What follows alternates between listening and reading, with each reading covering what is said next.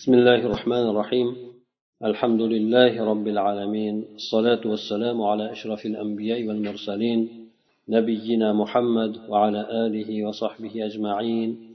أما بعد بقرة سورة سنة أصردان دومت كليكن درس مزدا وكان سفر دا الله تعالى آدم عليه السلام نيرت كان لجيو undan keyin ularni jannatga momo havo onamiz bilan kiritib u yerda ularni imtihon qilishlik suratida hamma narsadan iste'mol qilishlikka buyurib faqatgina bir daraxtdan chetlaninglar deb aytdi.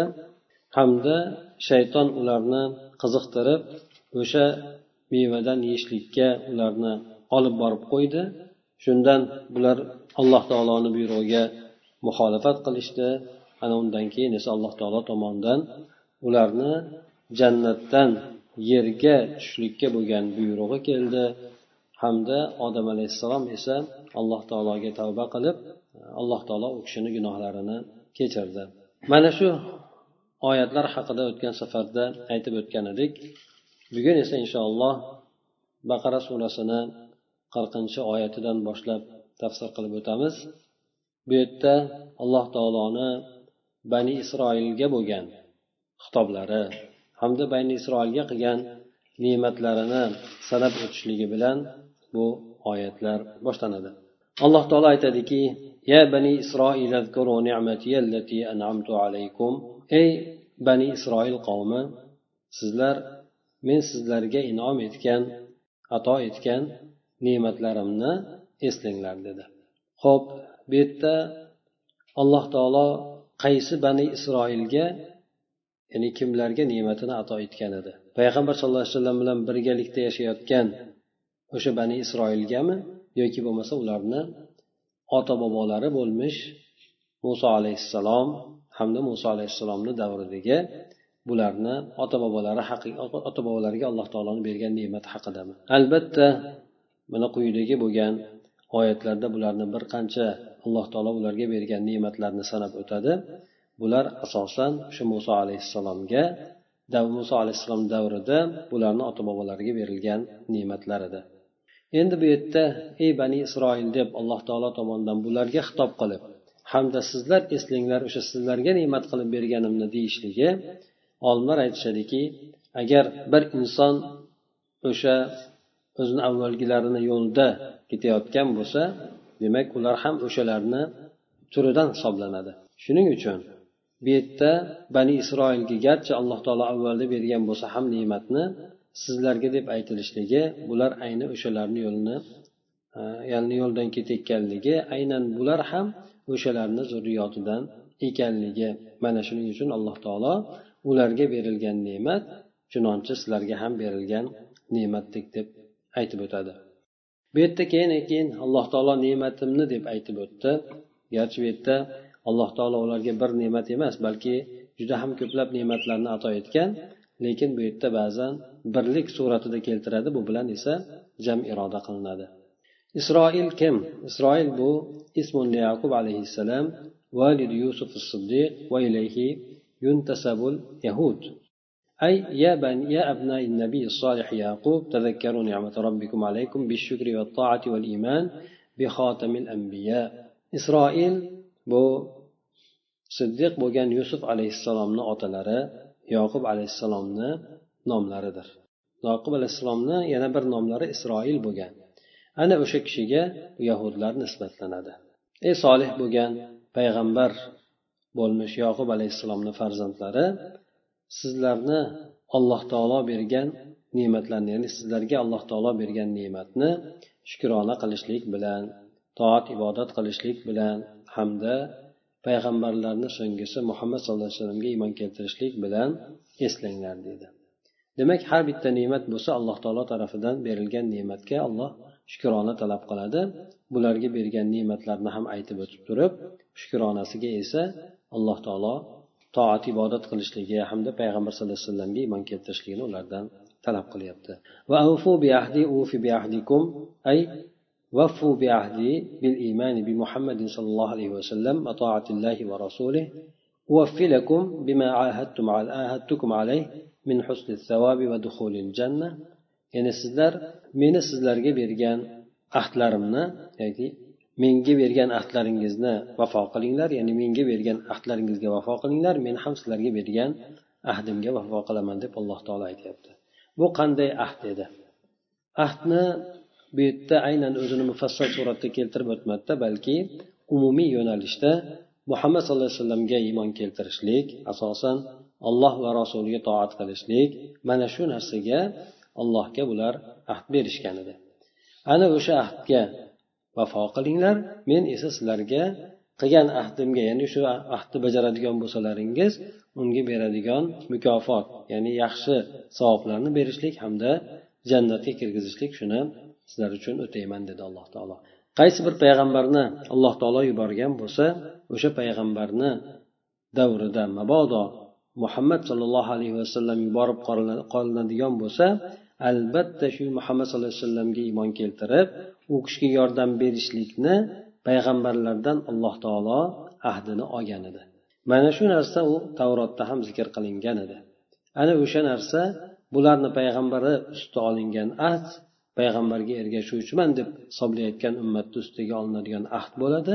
Ana o'sha ahdga ular vafo qiladigan bo'lganda alloh taolo sizlar vafo qilganlaringizda men ham sizlarga vafo qilgan bo'lardim bergan ahdimga ya'ni jannatga kirgizishlik hamda savobni ko'paytirib berishlik. Va iyaya farhabun ya'ni mendangina qo'rqinglar degani xofuni va la taxofu g'ayri minal xalq fa inna azabi shadid la yumathilu iqaba ahadin minal bashar. Ya'ni rohib degani albatta qo'rquv. Bu ham qo'rquv ma'nosida. Qo'rquv esa bir qancha darajalardan iborat. Ha bizda ko'pincha qo'rquv deb aytib qo'yiladi. Lekin cho'chishlik bor bilib qo'rqishlik bor bilmasdan qo'rqishlik bor to'satdan qo'rqishlik bor. Arablarda esa bu so'zlarni hammasiga alohidadan kalima ishlatadi. O'sha rohib degani ham qattiq bir inson qo'rqishligini aytiladiki bu yerda demak mendangina qo'rqinglar mendan boshqa maxluqotlarni birontasidan qo'rqmanglar. Faqatgina o'zimdangina qo'rqinglar deb alloh taolo aytadi. Chunki sababi nimaga? Sababi mening azobim judayam qattiq deydi. Insonlardan birontasini jazosiga o'xshab ketmaydigan shunaqangi darajadagi qattiq deb alloh taolo aytadi. Haqiqatdan alloh taoloni azobi judayam qattiq. O'sha azobni alloh taolo bularga eslatib payg'ambar sallallohu alayhi vasallamga iymon keltirishlikka bularni chaqiryapti. Chunki bularda kitoblarda aytib o'tganimizdek payg'ambar alayhisalomni sifatlari kelgan edi. Bular payg'ambar sallallohu alayhi vasallamni payg'ambar ekanligini ko'plari bilishar edi. Shuning uchun hech bir narsadan qo'rqmasdan mol dunyo yo'qotib qo'yishlikdan obro' yo'qotib qo'yishlikdan yoki tobelarni yo'qotib qo'yishlikdan biron narsadan qo'rqmasdan balki meni o'zimdan qo'rqinglarda o'sha payg'ambarga iymon keltirib unga ergashinglar deb alloh taolo aytadi. Hamda men payg'ambarga nozil qilgan narsaga muhammad sallallohu alayhi vasallamga nozil qilgan narsa ya'ni qur'onga bu qur'on iymon keltiringlar bu qur'on esa sizlardagi bo'lib turgan kitobdagi bo'lgan narsani hammasini tasdiq etuvchi bo'lib kelgandir deydi. Ya'ni sizlar aminu bil qur'an azim allazi anzaltuhu ala muhammad sallallohu alayhi vasallam al mutabiq لما معكم من التوراة في أمر التوحيد والنبوة فالقرآن العظيم مطابق للكتب الإلهية لأن المنزل لهذه الكتب واحد هو الله رب العزة والجلال. يعني سيزلر من محمد صلى الله عليه وسلم جاء نازل قلقان بيوك قرآن إيمان كالترينلر بو قرآن البتة سيزلر ديجي بوغان توراة كماس خاصة توحيد بيغمبر لك إشداء payg'ambarlik borasida tavhiddagi narsalarga juda ham mos keladi qur'oni karim o'zi aslida butun ilohiy kitoblarni hammasiga mos keladi chunki bu kitoblarni hammasini nozil qilgan zot yagona u zot esa izzat azizlik hamda ulug'lik robbisi bo'lgan alloh taolodir deb tafsir qilib aytadi أي ولا تكون أول جاحد ومكذب بالقرآن فبرهانه واضح ودليله ساطع sizlar birinchi kofir bo'lib qolmanglar dedi. Ya'ni qur'oni karimga sizlar birinchi inkor etuvchi birinchi kofir bo'luvchi bo'lib qolmanglar. Ya'ni sizlar qur'onni yolg'onga chiqaruvchi qur'onni inkor etuvchi kimsani birinchisi bo'lib qolmanglar. Qur'onni hujjatlari juda ham ravshan dalillari esa yorqindir deb aytadi. Nima uchun bu yerda bularga nima uchun e, sizlar birinchi kofir bo'lib qolmanglar deb aytilyapti? Chunki madina ichidagi bo'lgan madina atrofidagi bo'lgan yahudlar bu qur'on to'g'ridan to'g'ri xitob qilayotgan birinchi ahli kitoblar bo'ladi. Xosatan yahudlar qavmi birinchi bo'lib turib mana shu yerda qur'on tomonidan ularga xitob qilindi. Agar ular iymon keltirishsa edi qolgan yahudlar ham orqasidan boshqa joydagi yahudlar ham iymon keltirishgan bo'lardi. Lekin bular birinchi bo'lib bunga kofir bo'lishdi. Shuning uchun orqadagi bo'lgan boshqa tomonda yashaydigan yahudlar ham kofir bo'lishdi. Bilan bitta bitta bo'lib ba'zan ba'zan zamonlarda iymon keltirishadigan bo'ldi. Ana o'sha narsadan alloh taolo qaytarib turib demak birinchi sizlar uni inkor etuvchi bo'lmanglar. Chunki nimaga? Aytib o'tganimizdek mana quyidagi ham oyatlarda keladi. Bular payg'ambar sallallohu alayhi vasallamni sifatlarini xuddi farzandlarini sifatlarini bilgandek farzandlarini tanigandek bular payg'ambar sallallohu alayhi vasallamni taniyardilar. shuning uchun alloh taolo bularni ana o'shanday qilib birinchi kofir bo'lib qolmaslikdan qaytardi. Meni oyatlarimni arzimagan pulga almashmanglar. Mendan qo'rqinglar dedi. Ay tastabdilu bi ayati yasiran min dunyal fani va ya'ni meni ravshan hamma narsani ochiq suratda ravshan bayon qiluvchi oyatlarimni o'tkinchi bo'lgan dunyo matolaridan arzimas bo'lgan narsalarga evaz qilib almashmanglar. Meni o'zimdangina qo'rqinglar mendan boshqadan qo'rqmanglar. Ya'ni yolg'iz meni o'zimdangina qo'rqinglar dedi. Mana bu yerda bular alloh taoloni oyatlarini juda arzon baho narsaga almashishdi. Qanday qilib almashishdi? Bular avvalo tavrot kitobini oladigan bo'lsak tavrotga turli bo'lgan narsalarni kirgizishdi xohlagan narsalarni o'chirishdi xohlaganini yashirib uni odamlarga bayon qilishmadi. Shulardan bir misolni keltirib o'tadigan bo'lsak rajm to'g'risida ya'ni toshbo'ron qilishlik to'g'risidagi oyatni o'sha ularni olimi barmog'i bilan yashiradi. Shunda abdulloh ibn salom roziyallohu anhu ya'ni ular avval yahudiy bo'lgan keyin esa musulmon bo'lib islomda yaxshi sahobalardan birisi bo'ladi. Shu kishi aytadi payg'ambar sallallohu alayhi vasallamga ya'ni ularda zino voqeasi bo'lgan bo'ladi? Payg'ambar sallallohu alayhi vasallamga hukm talab qilishgan paytida ularni o'zini kitobi bilan payg'ambar alayhisalom hukm qilmoqchi bo'ladilar.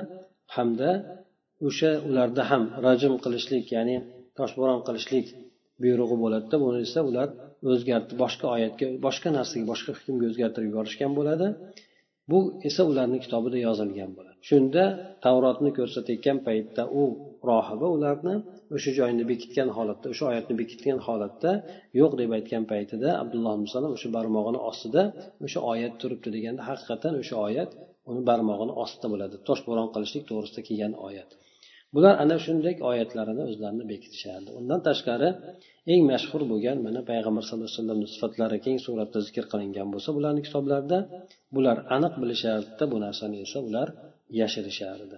Mana shu narsalarni nima uchun qilishardi ular ular qiladigan narsalarni sababi agar payg'ambar sallallohu alayhi vasallamga iymon keltirishib qo'yadigan bo'lsa ular qo'rqardiki ergashuvchilardan ajrab qolishligidan.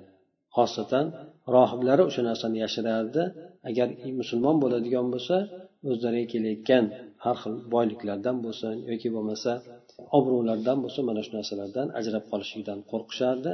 Shuning uchun buni evazidan arzimagan narsalarni ro'kach qilgan holatda qur'onni ham payg'ambar sallallohu alayhi vasallam ham u kishini ham inkor etishardi. Garchi ularni kitoblarida aniq suratda kelgan bo'lsa ham deydi.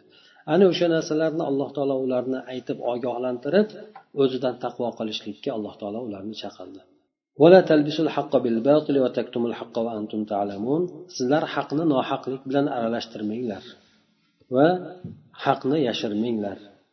O'zlaringiz bilgan holatlaringizda deydi. Ya'ni sizlar o'zlaringiz to'qigan botil bilan haqni aralashtirib yubormanglar. Tavrotda bo'lgan muhammad sallallohu alayhi vasallam sifatlarini yashirmanglar dedi. Demak mana bu oyat yuqoridagi bo'lgan oyatni tafsili suratida kelyapti. Ya'ni oyatlarimni arzon bahoga sotmanglar degan oyatni pastda demak bular nima qilishdi? Haqni nohaq bilan aralashtirishdi. Haq nima edi? Haq bu ularni kitoblarida kelgan haq. Ya'ni payg'ambar sallallohu alayhi vasallamni payg'ambar bo'lib yuborilishligi hamda u kishiga ularni ergashish kerakligi. Lekin bular esa u narsani boshqa narsalar bilan alishtirishdi payg'ambar alayhisalom sifatlarini yashirishdi. Mana shu narsani ular o'zlari bilib qilishardi. Shuning uchun alloh taolo ularni sizlar bilgan holatlaringizda unday qilmanglar deb aytdi. Demak qachoniki inson haqni botil bilan aralashtirar ekan albatta bu yerda u inson haqni yashirgan bo'ladi.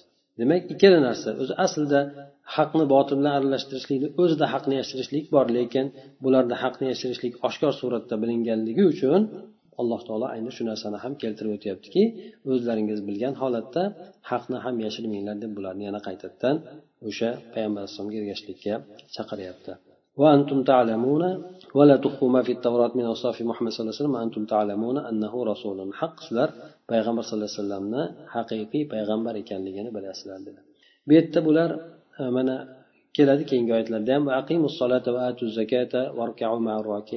sizlar namozni barpo qilinglar zakotni ado etinglar va ruku qiluvchilar bilan birgalikda ruku qilinglar dedi. Ya'ni bu nima degani? Adduma alaykum minal ala men sizlarga farz etgan namozga rioya qilishlikni ado etinglar va zakotni faqir miskin bechora bo'lgan kimsalarga beringlar musulmonlar bilan birgalikda jamoa bo'lib namoz o'qinglar dedi. Mana bu yerda alloh taolo demak namozga zakotga buyurishlik albatta bu ummatga buyurilgani kabi boshqalarga ham buyurilgandi. Namozni barpo qilishlik zakotni ado etishlik. Xuddi shuningdek endi bu yerda ruku qilishlar bilan birga ruku qilinglar deganda ma'nosi nima?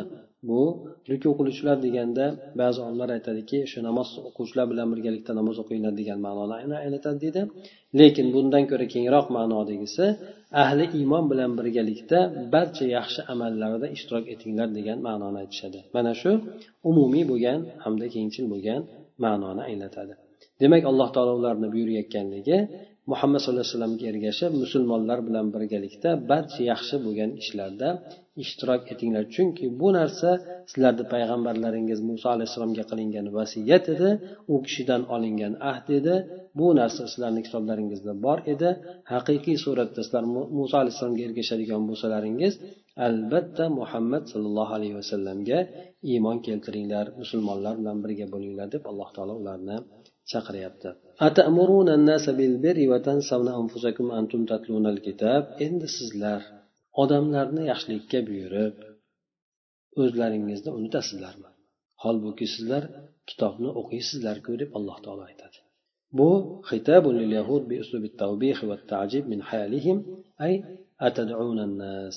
ya'ni bu yahudlarga bo'lgan xitobdir. Bu xitob ularni koyishlik uslubi bilan ularni holatidan juda ham ajabga tushishlik uslub bilan bo'lyapti. Nimaga? Ya'ni qiziqda odamlarni yaxshilikni yaxshilik ekanligini bilib turib odamlarni o'sha yaxshilikni qilishlikka chaqirsayu yaxshilik amallarni qilishlikka solih amallarni qilishlikka chaqirsayu o'zlarini unutishadigan bo'lsa. O'zlarini o'sha amallarga unda qilishlikka undashmasa o'z nafslarini ular poklashmasa o'z nafslariga yaxshilik amalni qilishlikni buyurishmasa holat esa sizlar annakum tavrot tavrotni o'qiysizlaru sizlar dedi. Tavrotda nima kelgan? Tavrotda kelganki kimki bir yaxshilikka buyurib turib o'zi qilmaydigan bo'lsa bunga qattiq vaid kelgan qattiq qo'rqituv kelgan. Mana shu narsalarni o'zlaringiz bilgan holatingizda yaxshilikni bilib odamlarga buyurasizlaru lekin o'zinglarga o'sha narsani lozim tutmaysizlar dedi. Haqiqatdan bular mana payg'ambar sallallohu alayhi vasallam bir yosh yahudiy bo'lgan bolani xizmat qilib yurgan bolani uyiga ko'rgani boradi kasal ekanligini eshitib borgan paytlarida u bola jon talvasasida yotgan bo'ladi. Joni chiqar payti kelib qolgan bo'ladi. Shunda bolaga payg'ambar alayhissalom qarab aytadilar la ilaha illalloh degin la ilaha illalloh muhammad rasululloh deb aytgin deganda u bola otasiga qaraydi otasi yahudiy bo'ladi.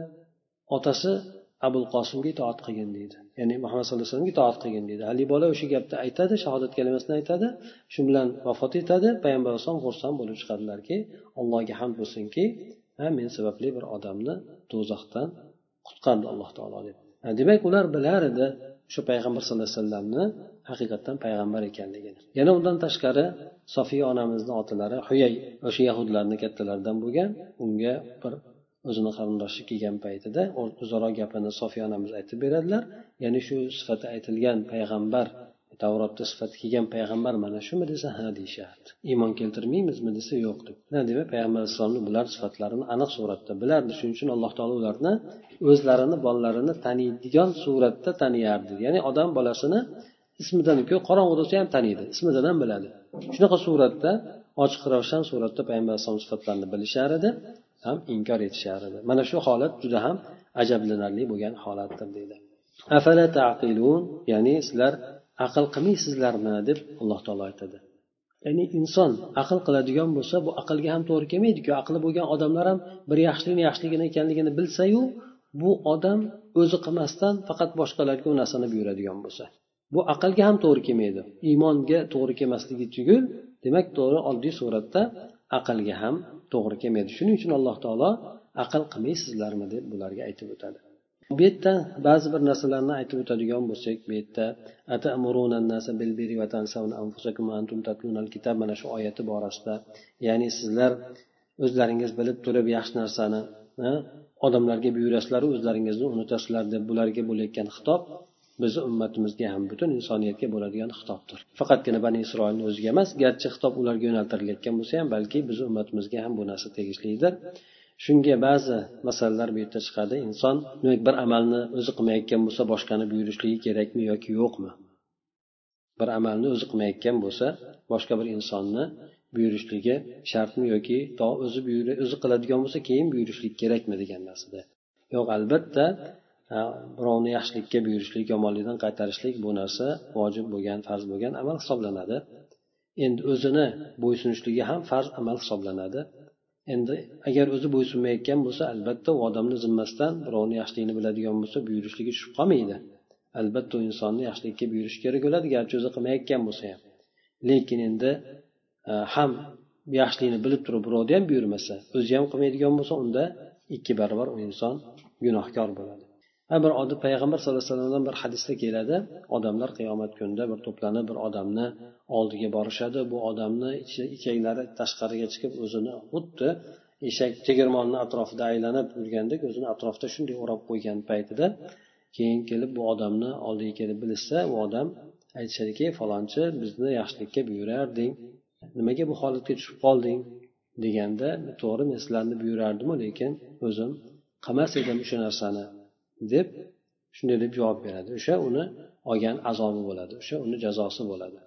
Endi bu birovlarni buyurib turib o'zi qilmagan bo'lsa shu azob bo'ladigan bo'lsa endi birovlarni o'sha buyurmasdan turib o'zi ham qilmaydigan odamni azobi qanaqa bo'ladi? Yoki bo'lmasa haqni bilib turib odamlarni nohaqqa buyuradigan hamda o'zi o'sha nohaqni qiladigan odamni azobi qanday bo'ladi unda? Shuning uchun uni azob albatta undan ko'ra og'irroq bo'ladi. E, insonlar bu yerda qoralanayotgan narsa inson buyurib turib o'zi qilmasligi qoralanadigan bo'lsa albatta buyurib o'zi qilish kerak lekin bu yerda o'zi qilmaydigan bo'lsa buyurmasligi to'g'risida gap bo'lmayapti. Albatta inson garchi o'zi qilolmayotgan bo'lsa ham boshqani buyurishlik kerak lekin o'zi qilishligi albatta inson uchun birinchi o'rinda lozim bo'ladi. Lekin bu yerda aytishadiki yana bu farzlar borasida shunday sunnat borasida inson o'zi qilolmayotgan amali bo'lsa ham boshqalarni buyurishligi mumkin deydi. Balki u inson ba'zan u amalni qilmasdan boshqa amallarni qilayotgandir. U amalni qilishlikka insonni imkoniyati bo'lmayotgandir vaqti bo'lmayotgandir lekin bu bilan birgalikda boshqalarni buyurishligi ma'qul bo'lgan narsa deb aytishadi. Masalan bir odam ilmga targ'ib qilsayu o'zi tijorat qilib musulmonlarga puli bilan yordam berayotgan bo'lsa bu odam o'zi ta'lim bermayotganligi uchun o'zi ilm o'qimayotganligi uchun ha albatta o'qisa keyin keyin buyurishligi talab qilinmaydi u odamdan. Balki u odam o'zi tijorat qilib boshqa qilib boshqa yo'llar bilan pul topib musulmonlarga yordam beradigan bo'lsa lekin bu odam boshqalarni ilmga targ'ib qilishligi hech qanaqangi bu yerda nimasi yo'q. Albatta ta'limga targ'ib qilaveradigan bo'lsa bu odam boshqa amal bilan mashg'ul demak boshqalarni yana boshqa bo'lgan afzal amalga chaqiryapti. Mana shunday. Yana undan tashqari ba'zan inson o'zi dushanba payshanba ro'za tutolmayotgan bo'lsa sog'ligi yoki boshqa bir sabablar sababli boshqa odamlarga eslatma berishligi o'sha kuni ro'za tutishlikka targ'ib qilishligi ham bu ham ma'qul bo'lgan narsa. Ya'ni inson unga ajr olaveradi garchi o'zi bu yerda tutmayotgan bo'lsa ham deb aytishadi. Demak bu yerdagi yahudlarga bo'lgan xitob bani isroilga bo'lgan xitob butun e, musulmonlarga ham boshqa insonlarga ham bo'lgan xitob ekan.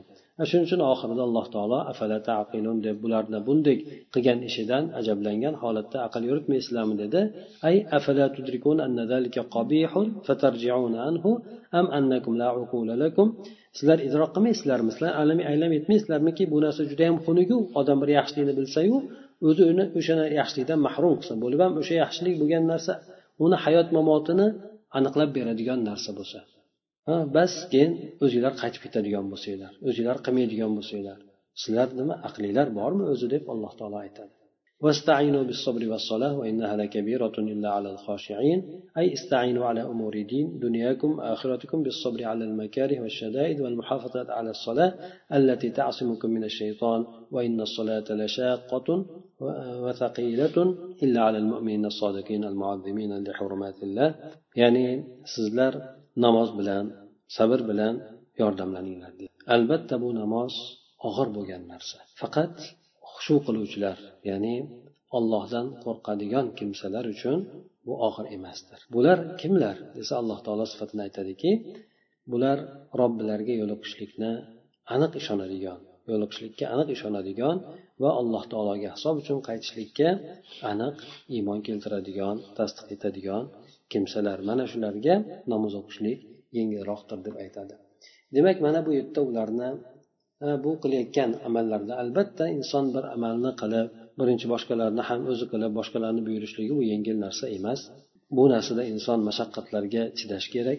Shuning uchun sabr bilan yordamlaniladi sabr degani inson o'zini tutib olishligi nafsini tutib olishligi har xil qiyinchiliklarga o'zini ko'ndirishligi mana shu narsa sabr bo'ladi. Ana o'shandek sabr bilan yordamlaninglar. O'sha yuqoridagi aytilgan ishlarni qilishlikda. Hamda namoz bilan namoz insonni alloh bilan bo'lgan aloqasi ana o'sha olloh bilan sizlar aloqalaringlar xuddi iyyaka nabudu va iyyaka nastain degandek sengagina ibodat qilib sendangina yordam so'raymiz degandek albatta alloh taologa ibodat qilishlik bilan alloh taolodan shuningdek sabr so'rashlik bilan amallaringiz ustida yordamlaninglar deydi. Namoz bu alloh taolo buni keltirib aytadiki haqiqatdan yengil narsa emas og'ir narsa. Nimaga? Chunki shaytonni eng inson bilan qattiq kurashadigan narsasi namozdan uni qaytarishlik bo'ladi.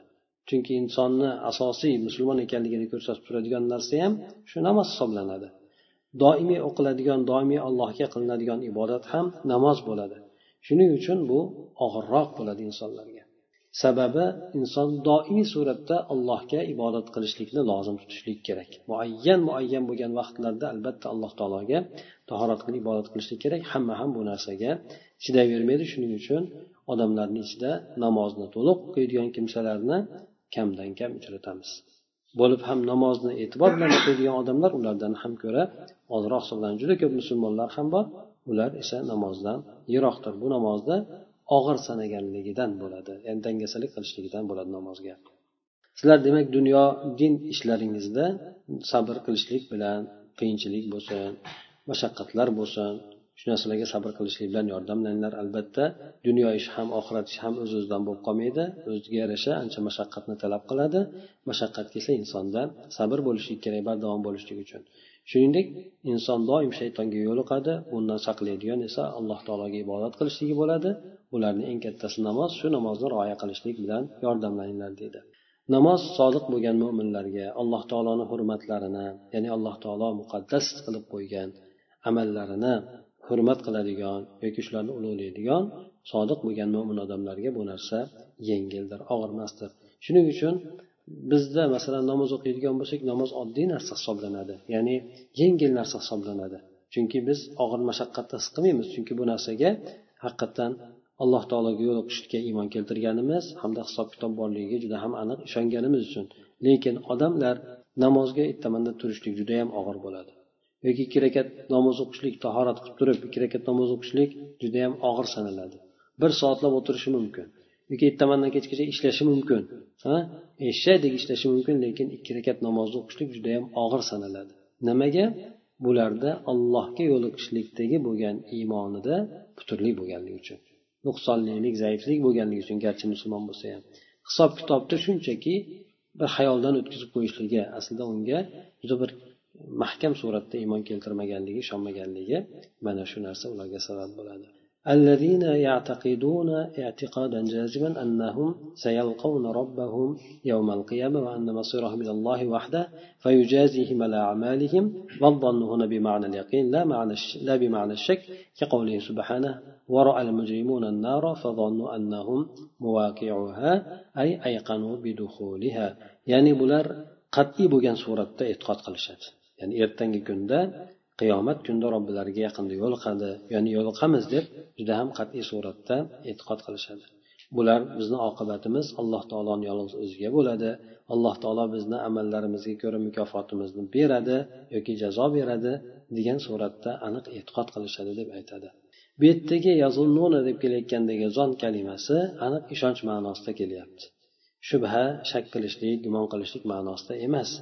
Yana boshqa so'zda ham keladiki alloh taoloni oyatida mujrim bo'lgan kimsalar jinoyatchi bo'lgan kofir bo'lgan kimsalar do'zaxni ko'radilar hamda aniq ishonadilarki unga o'zlari tushuvchi ekanligini deydi. Do'zaxni oldida ko'radi hamda do'zaxga aniq tushuvchi ekanligini bular ishonishadi deb oyat boshqa oyatda keladi. Shuningdek demak zon kalimasi gumon e, bizda ko'proq ishlatiladigan bo'lsa gumon ma'nosida ishlatiladigan bo'lsa lekin ba'zi o'rinlarda buni aksi bo'lgan aniq ishonch ma'nosida ham kelar ekan. Mana shu demak alloh taoloni yuqoridagi bo'lgan oyatlarga e, aytilgan tafsirlar e, bu xulosasini oladigan bo'lsak bani isroilga bo'layotgan xitob nima uchun bani isroilga bo'lyapti yoki nima uchun qur'onda juda ko'plab bani isroilni keltiradi muso alayhissalomni qissalarini keltiradi? Chunki musulmonlarga eng yaqin yashagan musulmonlarni hayotini o'z ko'zlari bilan ko'rgan ularga aralashib yurgan eng katta xalq eng katta qavm bu bani isroil bo'ladi. Payg'ambar sallallohu alayhi vasallam ham xuddi muso alayhissalom o'zini qavmidan ko'plab bir qiyinchilik ko'rgani kabi sarkashliklar itoatsizliklar ko'rgani kabi ayni o'shalarni zurriyoti payg'ambar sallallohu alayhi vasallamni bilan birgalikda o'sha yerda madinada yashashganida bularni demak o'sha qaysarliklari boshqalari tufayli payg'ambar sallallohu alayhi vasallamga ham bir o'ziga yarasha bir dars bo'lgandiki muso alayhissalom shunchalik o'zini qavmidan qiyinchilik ko'rgan bo'lsa payg'ambar sallallohu alayhi vasallam ham ana o'sha narsalarni eslab turib bu yerda sabr qilardilar. Chunki qavmni ichida har xil bo'lgan odamlar bor chin bo'lgan musulmonlar bor har bir so'zda itoat qiladigan itoat qilishlikka suskashlik qiladigan dangasalik qiladigan yoki qarshi bo'ladigan odamlar ham bo'lishligi mumkin. Bu narsani muso alayhissalom o'zini qavmida ko'rgan edi.